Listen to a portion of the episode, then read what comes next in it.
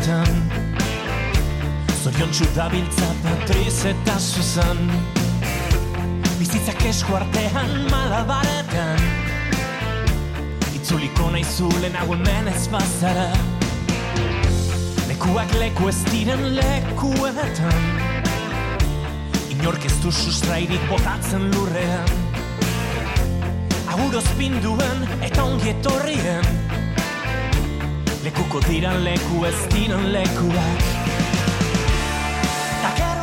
¿Qué tal estáis? Os saludamos desde la Casa La Palabra. Contamos con invitados que han navegado por el río Orinoco, por el Amazonas y también por las islas de Indonesia. Además, nos vamos a trasladar a Zambia, un país agrícola que no tiene mar.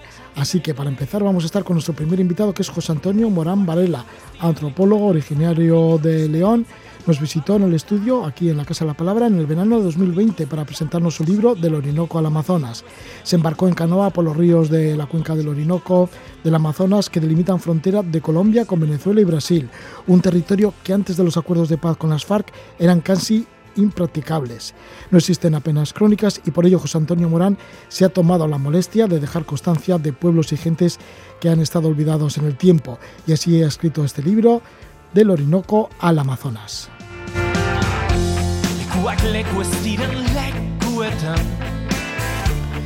Luego estamos con Miquel Albarrán, un donostierra que desde 2010 reside en Indonesia.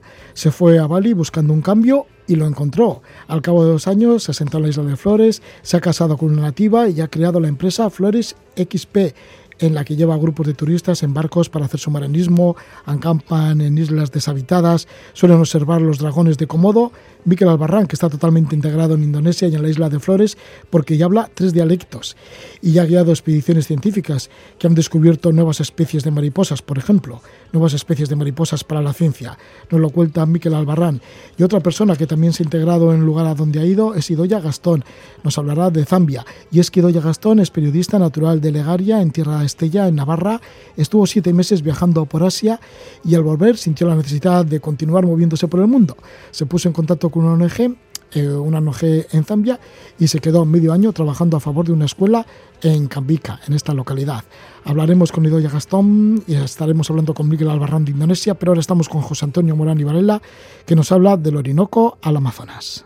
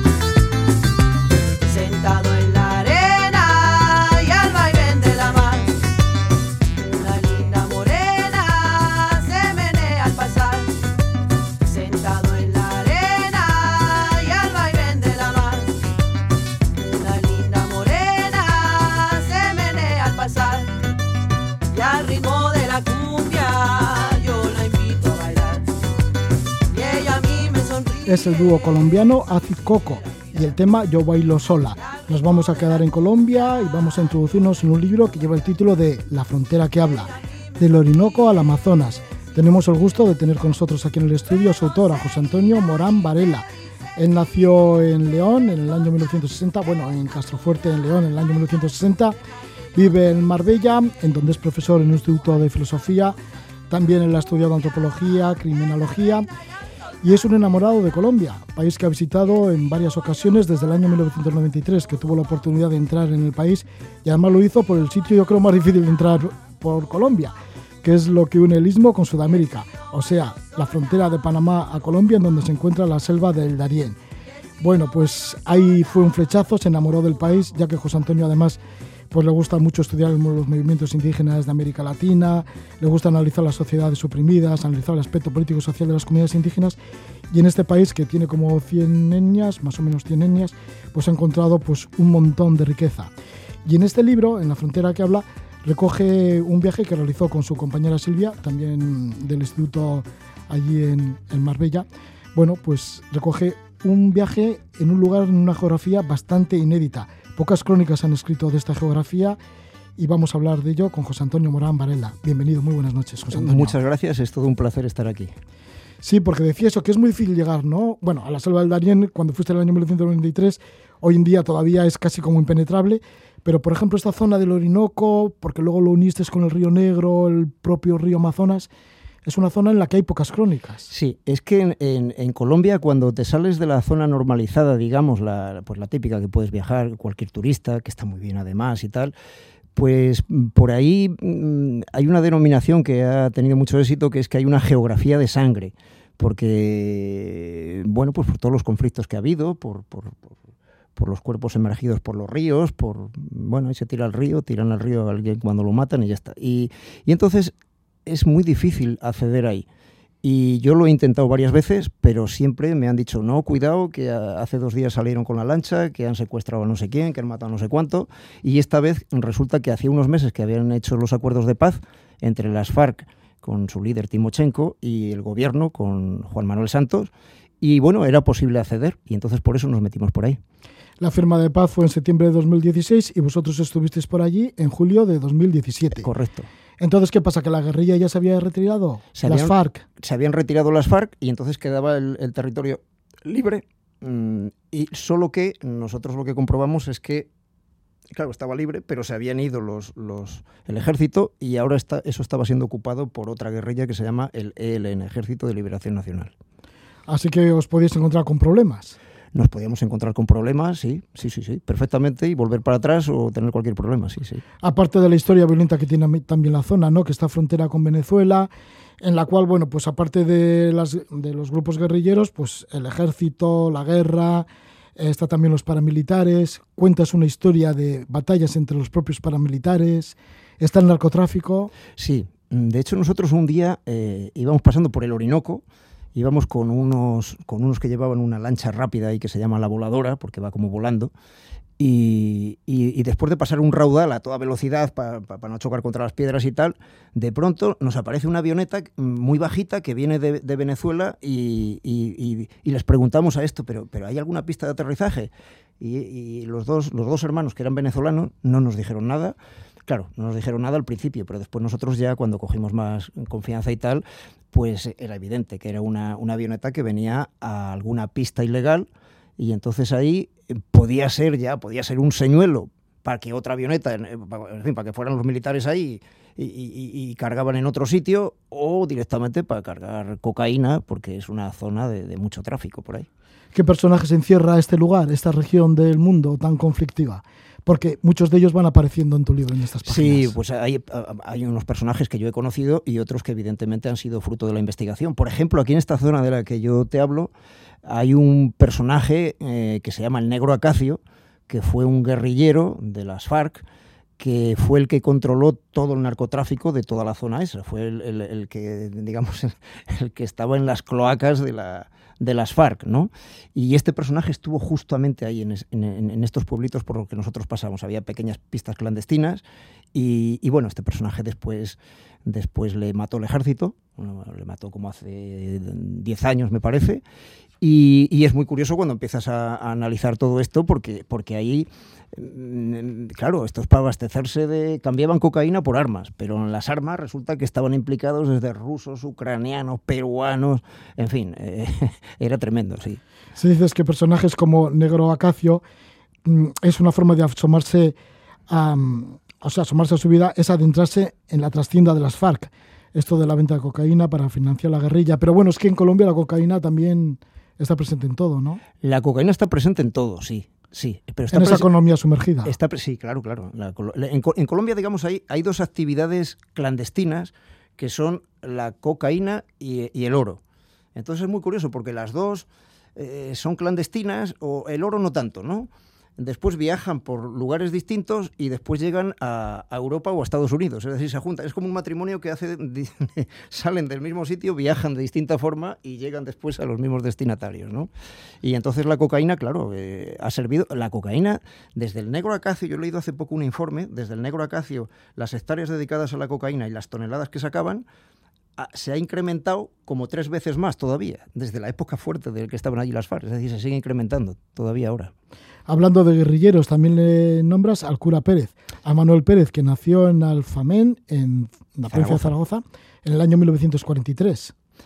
Este, y es este todo un personaje, ¿no? Porque era un comandante jefe. Fue, el que más mandó durante 20 años. Es el que, fue el que más mandó dentro del ELN, que es el segundo grupo guerrillero más importante, que, bueno, que, que, llegaron a tener, eh, bueno, las FARC llegaron a tener 18.000 combatientes y estos llegaron a tener 5.000. Pero el cura Pérez es muy curioso porque es que era un cura.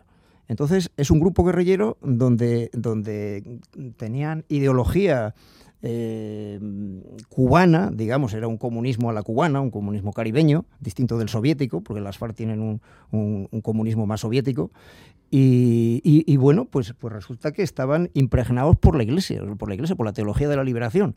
Y este cura, el cura Pérez, yo cuento ahí la historia, es una historia impresionante, eh, de un personaje que era un cura normal, este, fue al Vaticano, le ordenaron de cura, vio que, el paraíso había que hacerlo también en la tierra y eso le llevaba a tomar las armas y entonces tomaron las armas, se acercaron a los guerrilleros estos del ELN y, bueno, él, a él le... Él se consideraba un cura de los pobres. Claro, claro, sí, sí, de los de los pobres, que no era, no era, digamos, sacramental, ¿no? Para bautizar y tal, sino que decía, a ver, a ver si aquí vivimos, está bien eh, eh, pensar en el paraíso futuro, que es cierto, pero también hay que hacer el paraíso en la tierra, ¿no? Y eso le llevó a las armas llegó a las armas y bueno, y luego vivió allí, en la clandestinidad. Luego vivió, vida, ¿no? claro, sí, sí, él, él, se metió con otros dos curas, con otros dos amigos del seminario también de Zaragoza, y después a eso le siguieron más curas y monjas. Es muy curioso porque es una guerrilla con muchos curas y monjas, ¿no? Es una contradicción muy interesante. Ya, porque el cura Pérez tuvo una hija con una monja española. Incluso tuvo una hija que vive todavía, sí. Que estuvo en la guerrilla también esta monja. Claro, claro, en la guerrilla. Este se conoció, es que fue, él fue comandante jefe de la guerrilla durante, durante casi 20 años, hasta que murió de hepatitis. Él, murió de hepatitis, sí. Ya historias que vas encontrando en este territorio colombiano.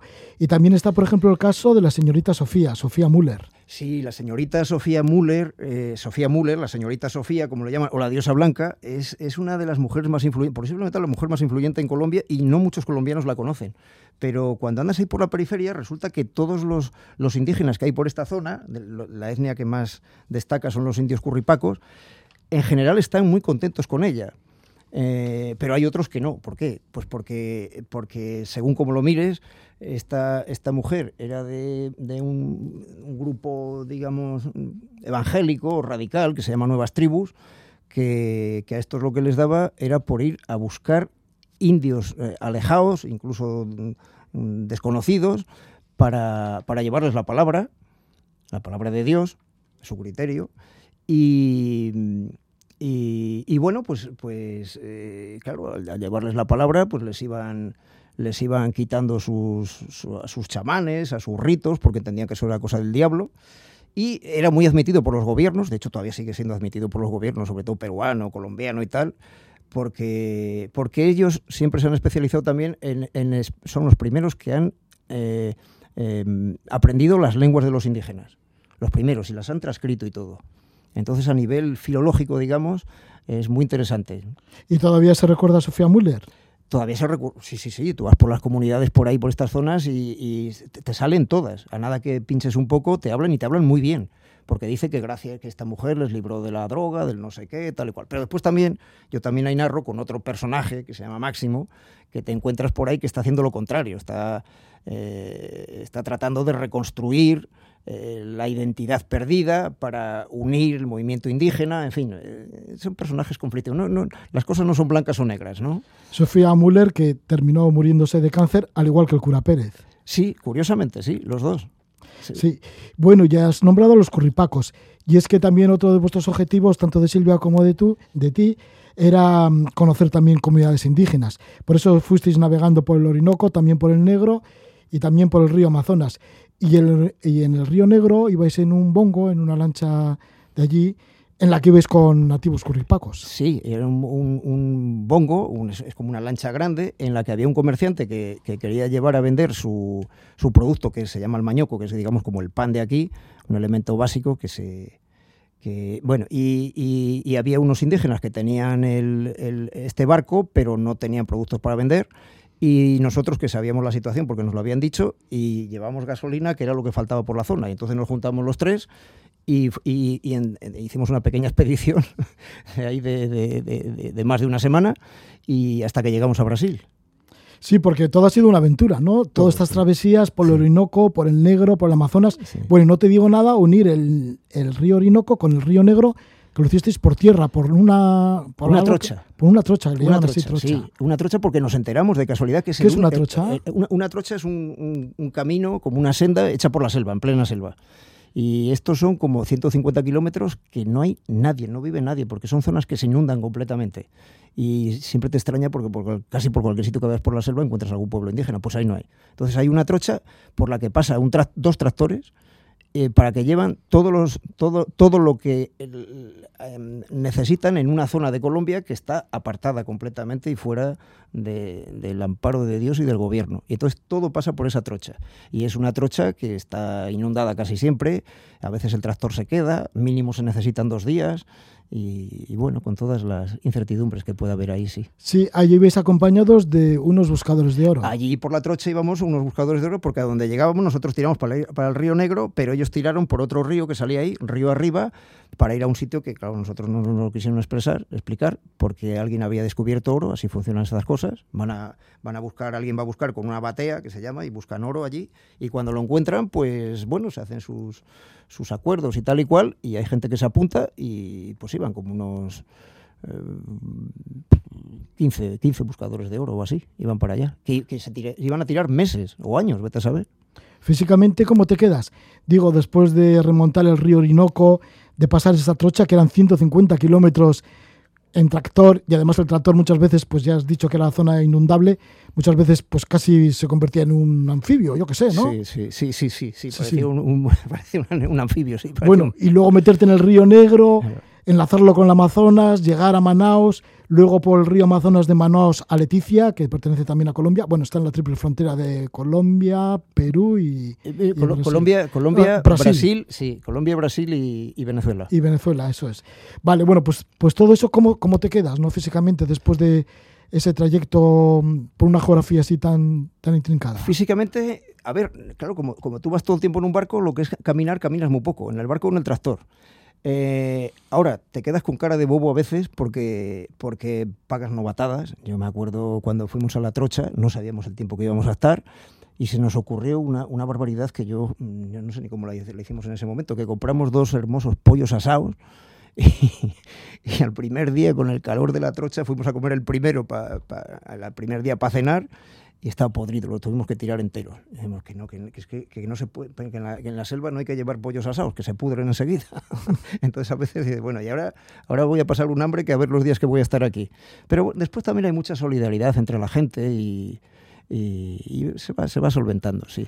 ¿Cuál sería de esta crónica que haces de este lugar, del Orinoco al Amazonas, cuál sería el mensaje de la gente, de la, de la población, de lo que te han transmitido a la población, que quiere transmitir también a través del libro?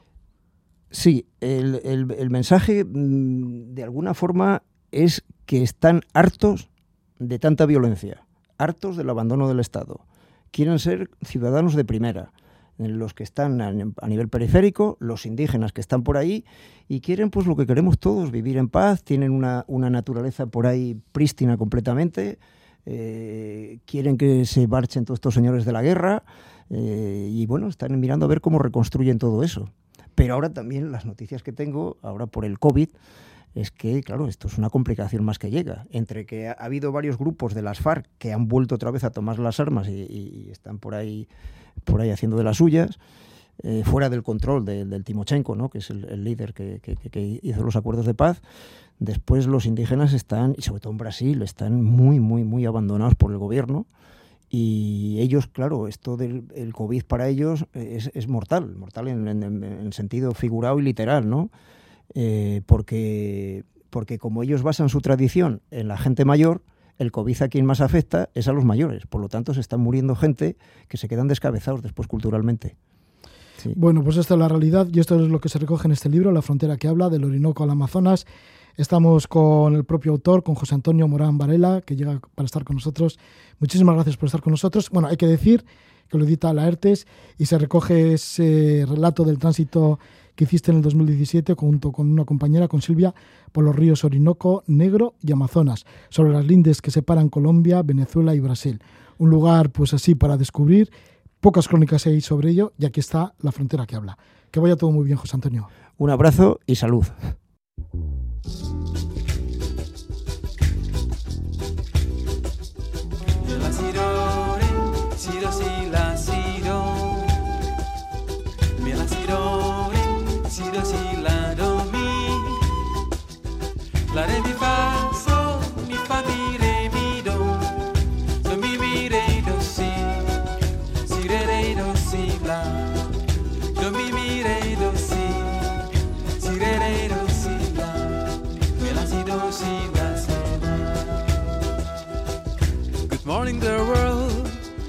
From here I have something in my mind to tell you there's an island in Indonesia, a paradise under the sun.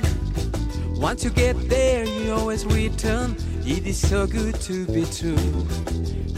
I tell you where my paradise is. My Flores, the Cape of Flowers, to my heaven on earth. My the ring of fire. Welcome to my Dragon Island. Es el cantante indonesio Iván Nestorman con el tema Cape of Flores sobre el cabo de la isla de Flores. Y es que nos vamos a la isla de Flores, en donde vive nuestro invitado, el Donostierra Miquel Albarrán. Se fue hace 10 años a Indonesia y ahí se ha quedado. Enseguida estamos con Miquel, que nos cuenta la experiencia.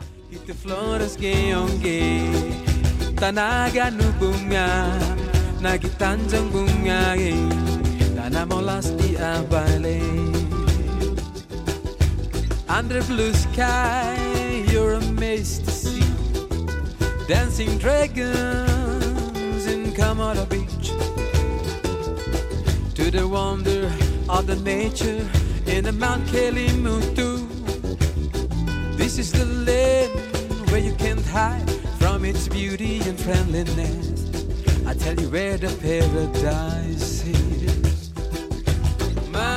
Esta música ya nos pone a tono de lo bello que es la isla de Flores, el tema Cape of Flores, y estamos con Miquel Albarrán, que nos ha recomendado esta canción de Iván Storman y que vive allí en la isla de Flores. Miquel, Gabón, buenas noches. Gabón, buenas noches, Roger. Miquel, que ahora estás aprovechando una visita aquí a tu madre, bueno, y a tu familia en general en Donosti, y bueno, que estás por aquí y nosotros también pues eso, aprovechamos para entrevistarte, para conversar contigo. Y es que llevas 10 años, toda una década en Indonesia y todo comenzó cuando te fuiste para allí para estar un año sabático, entre otras cosas para bucear y, y, no sé qué es lo que ha sucedido, bueno, ya sé algunas cosas de lo que te ha sucedido, ahora los vamos a contar, pero bueno, el caso es que te has quedado allí.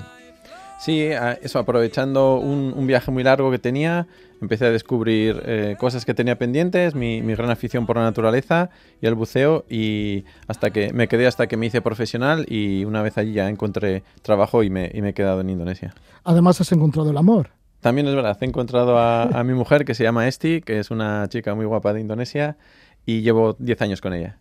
Sí, 10 años, o sea que nada más llegar ya porque primero viviste en Bali y luego ya al cabo de dos años te fuiste a la isla de Flores. Sí, es así. Eh, la conocí a través de unos amigos eh, y, y, desde entonces hemos estado eso, siendo amigos, tomando cafés, yendo a reuniones, yendo a, a, eventos culturales juntos y hasta ahora. ¿Por qué te asentaste en la isla de Flores después de estar en Bali? Eh, Bali empezaba a estar llena de turismo y un turismo así un poco, un poco rápido, un poco eh, no, no, muy sano. Entonces decidí coger la aventura e irme hacia, hacia Flores, que, que estaba todavía el, el, el, turismo en desarrollo. Entonces me, me, me, pareció importante ser parte, de, parte del desarrollo ecológico y no del desarrollo destructivo que hay. Sí, ¿cómo se ese desarrollo destructivo en Bali? ¿Qué eh, dices que no es muy sano? Eh, no sé cómo compararlo. Eh, le llaman el Ibiza de, del sureste asiático. Eh, la gente va a, pues a hacer fiesta, básicamente. Teniendo un, un, país tan bonito y tantas cosas que hacer y tanta naturaleza, pues se ha convertido en grandes hoteles, todo hecho, uh, muchos, muchas bebidas y mucha fiesta y, y poco disfrutar de la naturaleza. Me acuerdo que antes Bali era todo lo contrario, ¿no? Que la gente iba a Bali en busca de, tranquilidad, de naturaleza, también del tema este de la religión hinduista, porque Bali es hinduista dentro del mundo musulmán, que son las demás islas de Indonesia. Sí, Bali es muy grande, o sea que hay de todo. en la zona sur eh, hay un surf eh, mundial, en la zona de Kuta, que es la zona así de, fast food, de, de, vida rápida y fiesta, hay fiesta. Y luego en Ubud es una zona donde hay mucha cultura, donde hay mucha religión, yoga, etcétera, etcétera. ¿Qué es lo que has encontrado entonces de naturaleza en la isla de Flores? ¿Qué te has quedado allí? Eh, pues he encontrado muchas cosas. Los dragones de Komodo, que son los últimos dinosaurios del planeta. He encontrado las, las mantas, eh, tiburones, eh, nuevas especies. He encontrado de todo. ¿Y te hiciste instructor de buceo finalmente? Sí, me hice instructor de buceo allí y creo que es una de las mejores cosas que he hecho. Sí, porque es una de las cosas que has hecho, pero también has hecho otras porque montaste un restaurante, también has montado una empresa, una agencia de tours, que hacéis tours submarinos, os acercáis a playas de color rosa, os acercáis también a los dragones de Komodo, buceáis con mantarrayas y esta empresa se llama Flores XP, que además vosotros mismos construís y diseñáis vuestros barcos. Sí, es así. Eh, esto era el objetivo de, todo mi viaje, de eh, trabajar en algo relacionado con, con la naturaleza, especialmente con el buceo, y creamos nuestra propia, propia empresa. ¿Cómo se creó una empresa allí en la isla de Flores? Eh, pues la, la forma Digo, yendo de Donosti, ¿cómo te vas adaptando al tema? Porque además hablas varios diálogos, eh, varios dialectos, perdona, varios dialectos de la zona. O sea, que te fuiste adaptando muy bien, ¿no? Sí, la verdad es que lo, que hice muy bien fue, desde el primer momento, no me junté con gente blanca. Ese, ese fue mi, reto. Entonces, a los tres meses ya hablaba indonesio y ya estaba completamente independiente desde el tercer mes. El indonesio es un lenguaje relativamente sencillo con nuestro con nuestra base de, de castellano. Es muy sencillo de aprender y luego, pues si estaba en, Indonesia, en la parte de Bali, pues me sabía unas cuantas palabras de balinés. Y cuando me fui a Flores, aprendí el dialecto de Flores. Eh, en la zona oeste se llama Mangaray y hablo un poco de Mangaray. Y luego en los barcos se hablan diferentes dialectos, así que me tuve que adaptar y muy, muy bien, me lo he tomado muy bien. ¿Cómo lo haces entonces? Pues para trabajar con los locales, porque son los locales los que construyen los barcos que vosotros diseñáis. Eh, sí, eh, lo único que ellos tienen una tradición eh, milenaria de hacer unos barcos buenísimos. Hay un barco que se llama Finisi, que es un barco de madera, los pocos que ha podido dar la vuelta al mundo, y todos los barcos se basan en ese diseño. la historia es mantener la, calidad europea con, con, el, con, la mano de obra y con la forma de trabajar que tienen ellos. Ese es, el, el reto. Así que vosotros diseñáis con esos cascos tradicionales de madera, diseñáis un poco el confort europeo. Exacto, así es. Sí, y es una mezcla de los dos. Sí, es un poco lo mejor de los dos mundos. ¿Y cómo se navegan estos barcos? Pues se navega muy bien. El, mar que tenemos allí, afortunadamente, al estar rodeado de tantas islas, no tenemos olas grandes, no tenemos eh, grandes dificultades. Lo único que hay es mucha corriente. Entre varias eh, islas se forma una corriente muy fuerte, lo sabemos muy bien y ahí es donde nosotros con, ideas europeas hemos puesto un motor muy fuerte, un motor japonés. usamos un motor Mitsubishi japonés y es donde, donde, donde salimos ganando. Empleas también, em, ya que eres hay que decirlo, ¿no? Ingeniero técnico electrónico, empleas también energías alternativas. Eh, claro. Energía solar, por ejemplo. Exacto. Eh, todos los barcos tienen paneles solares y, en un país como Indonesia, que hay muchísimo sol, eh, recuperamos la energía, todas las luces y todas las, las cargas. podemos cargar el teléfono, por ejemplo, en el barco y todo eso. Todo eso es, viene con energía solar. Además de los barcos, también lo tenéis en los campamentos, porque vuestros campamentos son ecológicos. Sí, el, camping que tenemos es un camping bastante grande para unas 40 personas y desde el primer momento decidimos utilizar energía, energía solar. ¿Cómo es la conexión que tienes con la naturaleza? Ya has dicho que Flores es un lugar muy natural todavía. ¿Cómo es esa conexión que tienes? Y luego, pues por tu profesión de, de ingeniero técnico electrónico, ¿cómo estás llevando también el tema de la ecología para esa unión con la naturaleza, para que no se estropee esa naturaleza tan, supongo, tan virgen que hay allí en Flores todavía? Eh, pues eh, ya eh, lo que queríamos hacer cuando nosotros hicimos un camping era hacerlo lo más natural posible y utilizamos madera local en vez de utilizar madera de fuera o algo más barato que podía ser bambú desde otro sitio. utilizamos casi todo madera local, hecha por gente local, con sus técnicas, con sus formas sencillas de hacerlo. Sin embargo, usando todo el rato energía, energía solar. Entonces, tienes la comodidad de, estar en un camping donde tienes eh, luz a la noche, por ejemplo, en una isla, eh, pero sin embargo eh, tienes la, la parte ecológica que está todo hecho con, con- madera local. Personalmente, Miquel, vives creo que a las puertas del Parque Nacional de, de Komodo, ¿no? El Parque Nacional de Komodo, en donde se encuentra el dragón de Komodo. Sí, vivo en un pequeño pueblo pesquero que se llama Labuambayo y este es el, el único aeropuerto que hay en esa zona y el único puerto que hay para ir a- a- al Parque Natural de Komodo. ¿Cómo es este parque? Eh, el parque es, un, es uno de los sitios eh, más eh, bonitos del mundo para hacer buceo. Está entre los 10 mejores sitios del mundo para hacer buceo. Es un, un parque enorme lleno de grandes islas. Una de ellas es Komodo, donde tenemos el, el famoso eh, Komodo. Pero entre las islas hay fantásticas eh, eh, playas, eh, vistas, aguas azules, aguas, aguas turquesas. Tenemos un par de, de islotes flotantes que son una especie de, de bancos de arena que salen con la marea baja y eso le llaman mini Maldivas y es un sitio muy muy bonito, muy muy bonito. ¿Cómo es el dragón de Komodo? Eh, pues el dragón de Komodo... Digo, ¿cómo es estar ante él? Porque tiene que ser impresionante. Sí, sí que sí que es Estamos hablando de un gran reptil y que además es uno de los pocos dinosaurios, o lo igual el único dinosaurio que queda sobre la Tierra. Sí, eso es lo que dicen, que es el último dinosaurio de la Tierra. El, el- el señor dragón de Komodo da mucho respeto porque es, es un predador y el, el ser humano está debajo de la, de la cadena alimenticia, está debajo de él. Entonces nosotros tenemos un, un pequeño riesgo cuando, cuando vamos a visitar los dragones, pero siempre lo hacemos con los, con los ranger y lo hacemos eh, siguiendo las, las normas del Parque eh, Nacional de Komodo. ¿Cuál es este protocolo?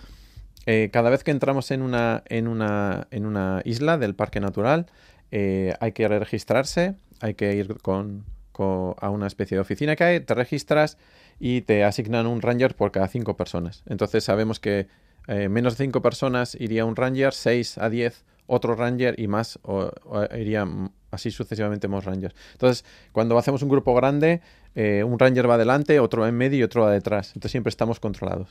¿Cómo se siente cuando estás al lado del dragón de Komodo? Porque, bueno, muy al lado no estaréis, claro. Sí, hay una- unas normas básicas que te dicen que mantengas unos 5 metros de, de distancia mínima. Entonces, depende de Porque cómo... puede atacar el dragón de Komodo. Sí, sí, sí que, sí que podría atacar. Lo que hacemos nosotros es damos unas instrucciones muy claras y nunca arriesgamos y nunca, nunca ha pasado que, que tuviéramos un, un ataque hacia, hacia nosotros así. Pero se siente que son ancestrales. Sí, sí, la verdad es que son unos animales eh, muy, muy, muy viejos. eh. Tienen millones de años, no han evolucionado apenas nada y, y sí que dan respeto y son muy impresionantes de ver. ¿Cómo son los fondos marinos del Parque Nacional de Komodo? Eh, pues, ¿Qué es lo que encontráis en los fondos? uno- son uno de los mejores sitios de- del mundo. Hay una zona muy famosa que Sí, se llama... porque están dentro del top 10, ¿no? Sí, sí. De buceo. esa es una razón por las que fui allí, porque era uno de, los, de mis sitios soñados para ir. Y hay una de las zonas en la que siempre encontramos mantas, por ejemplo. Entonces es un fondo marino eh, muy bonito, eh, con muchísimos corales, tiene más de eh, 500 tipos de corales, hay más de 2.000 especies de, de peces en esa zona. Y uno de los top sería eh, mantas, eh, tortugas marinas, vemos en todos los sitios, o sea, en cualquier sitio que, bajemos vemos tortugas. Y tenemos bastantes sorpresas al año. Yo he llegado a ver ballenas, delfines, etcétera, etcétera. Las mantarrayas, que algunas deben ser bastante enormes. Sobre todo creo que son las mantas oceánicas. Sí, es correcto. Las, las mantas oceánicas llegan hasta 7 metros y llegan hasta 1.400 kilos de peso. Entonces es un, es un animal eh, es estupendo de ver, porque le llaman las, las eh, bailarinas del, del mar. Son, son unos animales espectaculares que no representan ningún riesgo y es una maravilla verlos. Sí, tiene que ser una estética fabulosa. Sí, sí, es, es un espectáculo. Eh, la gente, yo después de muchos años todavía me quedo con la boca abierta. Después de, de seis años buceando continuamente, cada vez que veo una manta se me, se me cae la boca. Sí, y también te sucede esto con los atardeceres en la isla de Padar, que es una de las islas del Parque Nacional de Komodo. Sí, es así. El- es uno de los sitios eh, que más la gente, que la gente más demanda. Es eh, el sitio por preferencia de Instagram de toda Indonesia y, y es un sitio muy espectacular. Hay que subir a una a un montículo, unos 30 minutos de, de- de subida. Ahora han puesto escaleras y es muy confortable. Y desde arriba hay una, una panorámica que no te esperas cuando, lo, cuando empiezas eh, en la parte de abajo y se pueden ver hasta seis eh, playas a la vez eh, en una panorámica enorme y, y el- la puesta de sol queda a la izquierda y es, y es de, de película. Miquel, tú también tienes mucha afición a la fotografía. Así que para fotografiar este lugar tan panorámico tiene que ser espléndido. Sí, ahí hemos llevado bastantes eh, grupos solo de fotografía y hacemos alguna vez cursos de fotografía, etcétera, y es, el lugar es, es impresionante. ¿Cómo son las playas rosas? Porque también hay playas rosas en la zona. Sí, las, las playas rosas eh, son eh, muy espectaculares de ver, eh, no te lo esperas, eh, el mar es muy bonito, tiene estos colores turquesa y azules y de repente ves una playa que tiene un color eh, completamente fuera de, fuera de lugar y son playas rosas que se han generado a través de, de la, ro- de la rotura de, de un coral rojo muy fino que, que vive en la zona. Que luego se mezcla con la arena blanca. Exacto, y, y forma una, un, un rosa, un rosa muy fuerte, sí. Ya, pues o sea, tiene que ser también una maravilla, como que no te lo puedes creer, que de repente la, Sí. la arena sea rosa. Sí, si no nos lo dicen, eh, no nos lo creeríamos. Ahora porque ya sabes dónde vas y sabes que vas a ver la playa rosa, pero si no, si no te lo dicen, no te lo crees. La gente, de- aún así, todo sigue poniendo la mano en la arena, la busca y dice, ¿y esto cómo es posible? ¿Cómo es posible? Miquel, actualmente participas también en un programa ¿no? de recuperación del coral, realizando injertos del coral en, una, en las rocas. ¿Cómo, Sí. cómo es este proceso? Eh, sí, eh, hace un par de años eh, hice un curso especial para, para recuperar coral y es una, una forma de plantar coral muy moderna que se llama microfragmentación, que lo hace eh, un, un grupo que se llama Ocean Quest. Y lo que hacemos es coger coral que está dañado, o sea, nunca, nunca cogemos un coral que está vivo y, y en buenas condiciones, cogemos un coral que está dañado o que se ha roto o que está en una zona de arena que se va a morir en las próximas semanas. Lo cortamos en cachitos pequeñitos eh, y lo volvemos a plantar eh, en, en- en rocas individualmente. Entonces, de un coral roto podremos hacer hasta, digamos, de un coral pequeño roto podemos hacer 20 microcorales, los plantamos en 20 rocas y luego los volvemos a poner otra vez don- donde estaba a la misma altura, a la misma presión, a la misma profundidad y, y tenemos un, un- un gran suceso con- con esta técnica.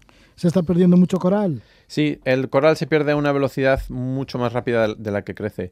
Eh, por ejemplo, para, hacer- una idea, el primer año que, que íbamos a, a bucear, había una, una playa que estaba cerca de, de la ciudad y era muy bonita, muy sencilla y había coral. Entonces, al llevar tantos turistas a esa zona y la gente no respetar y ir pisando, ir pisando, ir pisando, el coral se ha roto y ahora solamente es una playa, ya no hay coral. Entonces, hace ya cuatro años que no llevamos a nadie allí porque no es, no es un sitio eh, bonito para ver, es, es un- es una zona destruida. Y eso es todo por un mal turismo, por no hacer un ecoturismo.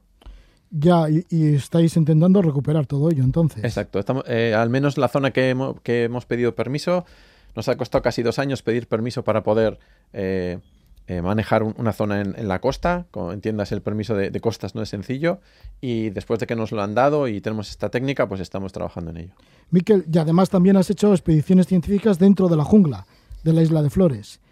En concreto con una expedición científica rusa que iba en busca de mariposas. Sí, he tenido la suerte de, de trabajar con, con gente increíble como el profesor Iván Bolotov y él tenía muy claro dónde, dónde había que buscar eh, en, la, en la jungla y qué es lo que había que buscar y yo solo le ayudé a, a llegar a esa zona y a, y a instalar las, las instalaciones que necesitaba él para, para funcionar. Sí, instalaciones eléctricas Exacto. mm, Pues, que atraen a los mosquitos, polillas y demás. Sí, pudimos, pudimos instalar, él, él me dijo que, que iba a llevar una lámpara muy fuerte, ultravioleta, y que necesitaba energía en mitad de la jungla, que es un sitio completamente inaccesible, y entonces yo busqué una solución, acostumbrado a, a trabajar sin, sin muchas opciones, y nos inventamos, a- con unas baterías de, de moto, nos inventamos un sistema para llevar energía y luz en mitad de la jungla. A una de estas mariposas desconocidas para la ciencia le dieron tu nombre. Sí, eso fue una gran sorpresa, una de las mejores sorpresas que he tenido y sin avisarme ni nada le dio el nombre de Mikeli Bolotov a una nueva eh, polilla. Miquel, ¿y cómo es el el regreso a Donosti? Aunque sea por unos, unas semanas o unos meses que vas a estar ahora con tu familia. Pues Digo, vení- porque tiene que ser mucho contraste, ¿no? Estar en la Sí. isla de Flores, la vida tropical con pocos recursos, viviendo también de pleno en la naturaleza, con volver de nuevo a lo que dejaste hace 10 años. sí, sí, he visto que la ciudad sigue creciendo y que el nivel está completamente a otro, a otro nivel. Aquí eh, los transportes son increíbles. Allí no tenemos, no existe transporte público, o sea, no tenemos ni siquiera un transporte público. Aquí tenemos tantas opciones. ah, eh, es increíble. Es como, como ir al futuro, es increíble. Muchísimas gracias, Miquel Albarrán, que disfrutes de tu ciudad, de Donosti. Miquel Albarrán, instructor de buceo, que nació en Donosti en el año 1978. Él es ingeniero técnico electrónico, pidió un año de excedencia en su trabajo, esto era el año 2010, y no ha vuelto. Se ha quedado allí primero dos años en Bali y luego el resto pues en la isla de Flores, en la que tienes tu propia empresa, Flores XP, que organizáis tours en barco para visitar el Parque Nacional de Comodo y hacer buceo. Entonces, déjanos el contacto con Flores XP. Eh, sí, la mejor forma de contactar es eh, floresxp.com y desde ahí ya eh, a través del email y el WhatsApp, que tenemos un teléfono de WhatsApp, podríamos contactar con vosotros. Muchas gracias, Miquel Albarrán. Muchas gracias, Roge. Un placer.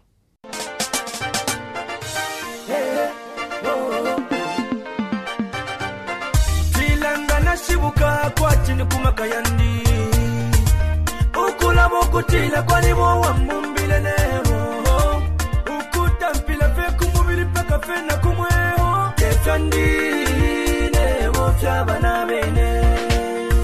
Limonga napfukama kuti mpepenisi napfikosa nsimibukisa nokutotelanga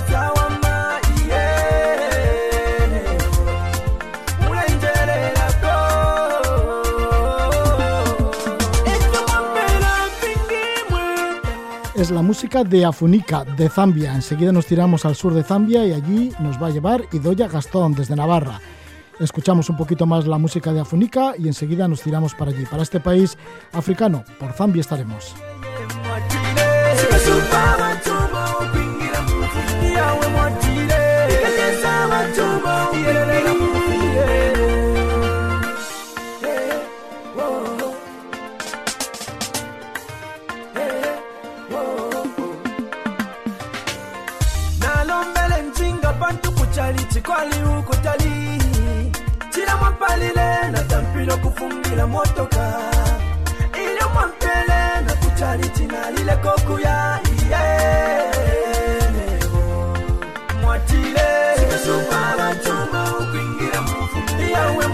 Música que nos ha recomendado nuestra invitada Idoya Gastón. Estuvo allí en Zambia viviendo durante seis meses y esta música de Afunica pues sonaba en el país de donde es originaria Afunica, en Zambia. Y Idoya Gastón, Idoya Gastón, que es periodista originaria de Legaria, en Tierrastella, en Navarra. Gran aficionada a la fotografía, a los viajes, ha residido en diferentes países del mundo. Bueno, pues vivió en Alemania, también en Canadá, en Ankara, en Turquía, cinco años en Madrid y luego se fue a hacer un viaje de siete meses por el continente asiático, sobre todo por el sudeste asiático, India y Sri Lanka. Fueron siete meses y de ahí pues creó un diario, un diario personal que ha publicado, lo ha publicado con el título del nado de la mantarraya, porque le llamó mucho la atención cómo nadaban las mantarrayas allí en la isla de Lombok, bueno, entre Lombok y la isla de Flores en Indonesia. Y después de todo ello, pues se fue un, un año a Inglaterra, en donde estuvo en una escuela de cooperación, y esa escuela de cooperación le envió a Zambia. En Zambia estuvo durante seis meses y al final está en el proyecto de crear una escuela, de sostener una escuela en la comunidad de Encabika, en la ciudad de Mazabuca, que está al sur de Zambia. Nos va a hablar de ello Idoya Gastón. Gabón, Idoya. Hola, buenas noches, ¿qué tal? Bueno, Idoya, pues sí, que siempre también moviéndote de un lugar a otro, ¿no? Como bastante inquieta como periodista y como persona y como viajera.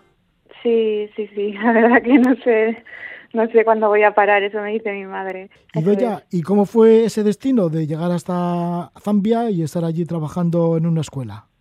Pues eh, bueno, fue un poco por casualidad, porque después, como has dicho, de, de estar viajando durante siete meses, em, cuando volví, no, bueno, de alguna forma me, me apetecía seguir explorando y, y viajando, ¿no? Y, y por casualidad vi eh, que había una escuela de cooperación en Inglaterra y allí, bueno, en esa escuela tenían proyectos para, para irte ya, ya fuese a, a África como a, como a India me llamó mucho la atención el proyecto en general y, y bueno, y decidí estar una temporada en Inglaterra para eh, trabajar y, y, ganar el dinero necesario para luego irme a, a, Zambia como voluntaria.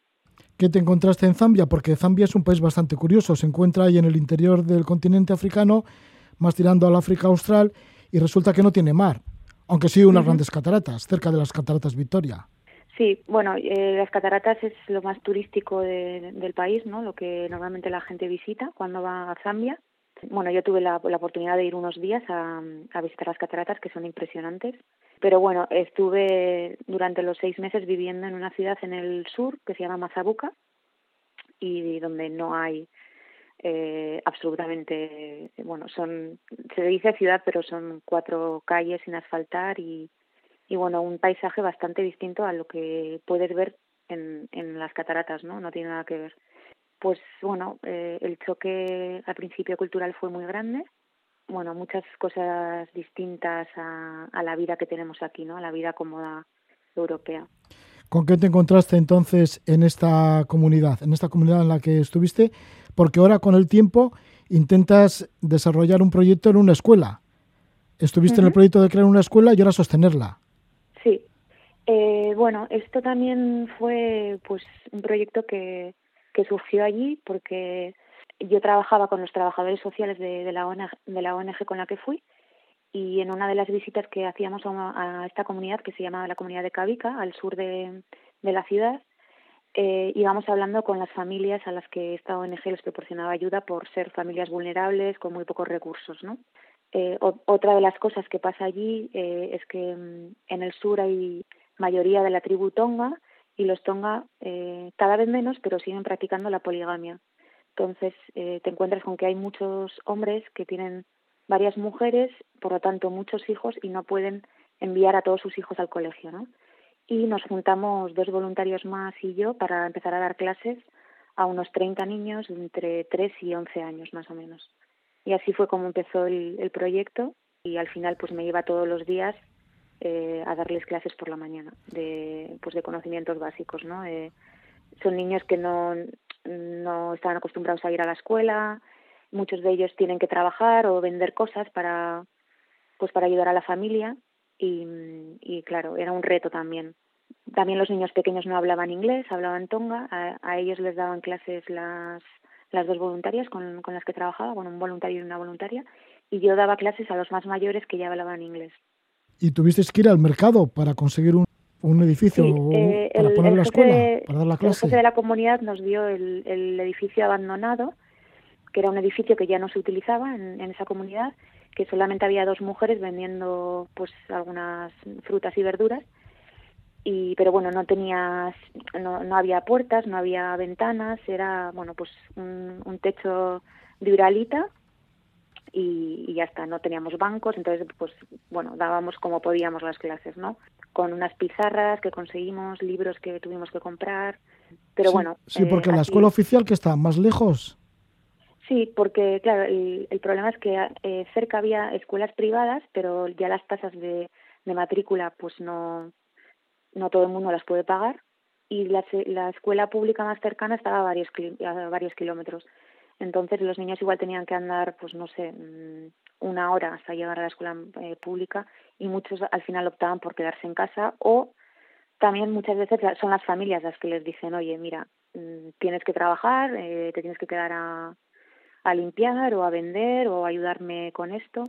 Entonces muchas veces pues no, entre que las escuelas más más, cerca, más públicas están muy lejos y, y que las familias eh, pues hay muchas familias que, que son muy pobres pues no Y Doya, ¿y ahora habéis conseguido algo de financiación para que la escuela esté en mejores condiciones?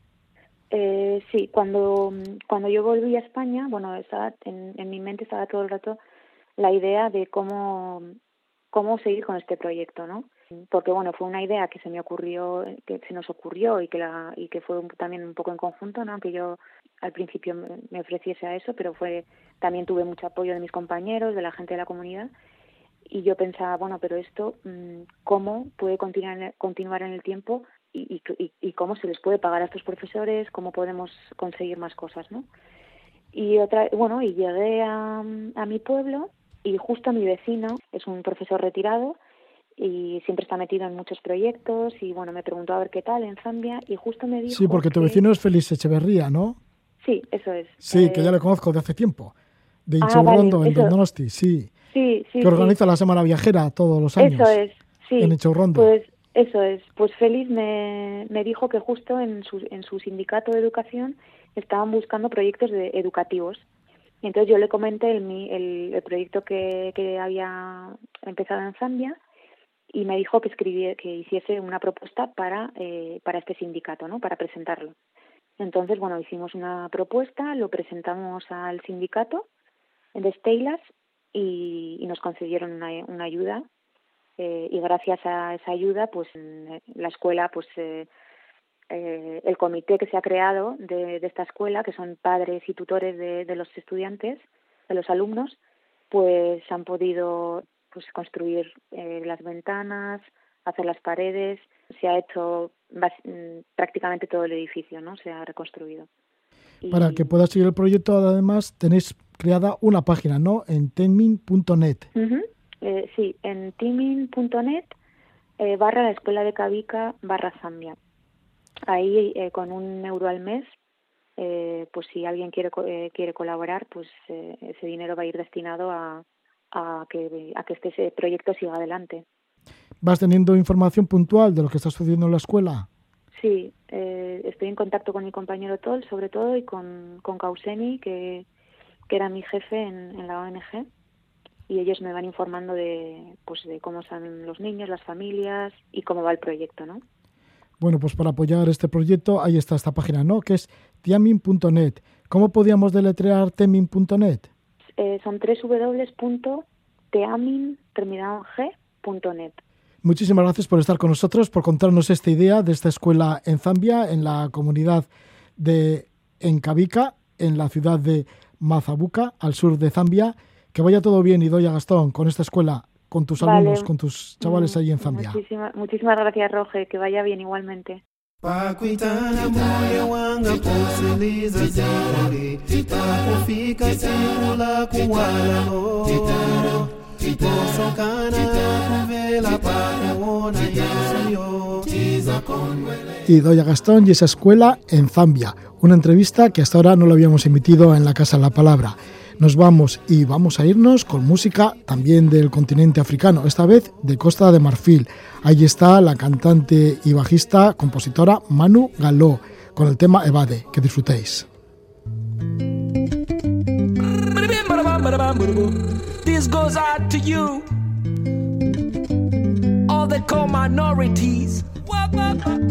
Blacks, women, Latinos, pygmies. Watch out. We're coming stronger. Evade. They can remind you about sharing and loving. Evade. Come on. When I look in your eyes. Evade. Ulatite ya wasra wasri ya ziyo Nantite ya wasra wasri ya ziyo Anankuo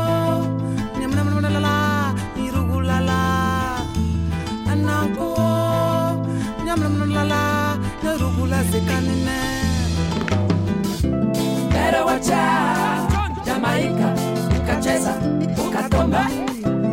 It and remind you about sharing and loving now. Watch out. Kakimbia, Jamaica, ukacheza. Teach and remind you about sharing and loving now. Struggling for surviving. Dans sa propre vie. Évadé, Dieu n'a-t-il pas fui les humains? Évadé, pourquoi tant de méchanceté? Évadé, à quand la fin des médiocrités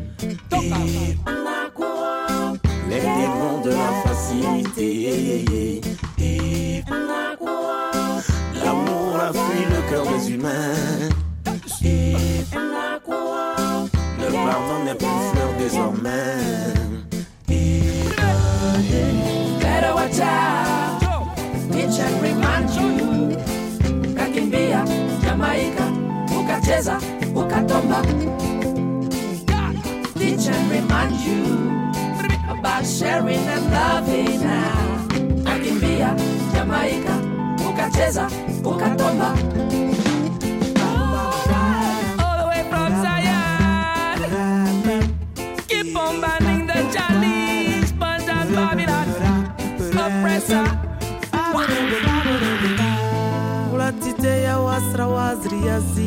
Évadé de son propre pays, et par l'intolérance des hommes, pour l'indifférence des hommes. l'insouciance des hommes, l'inconscience des hommes. Better watch out. Teacher remind you. Kakimbia, Jamaika, ukacheza, ukatomba. Better watch out. Teacher remind you. Kakimbia, Jamaika, ukacheza, ukatomba.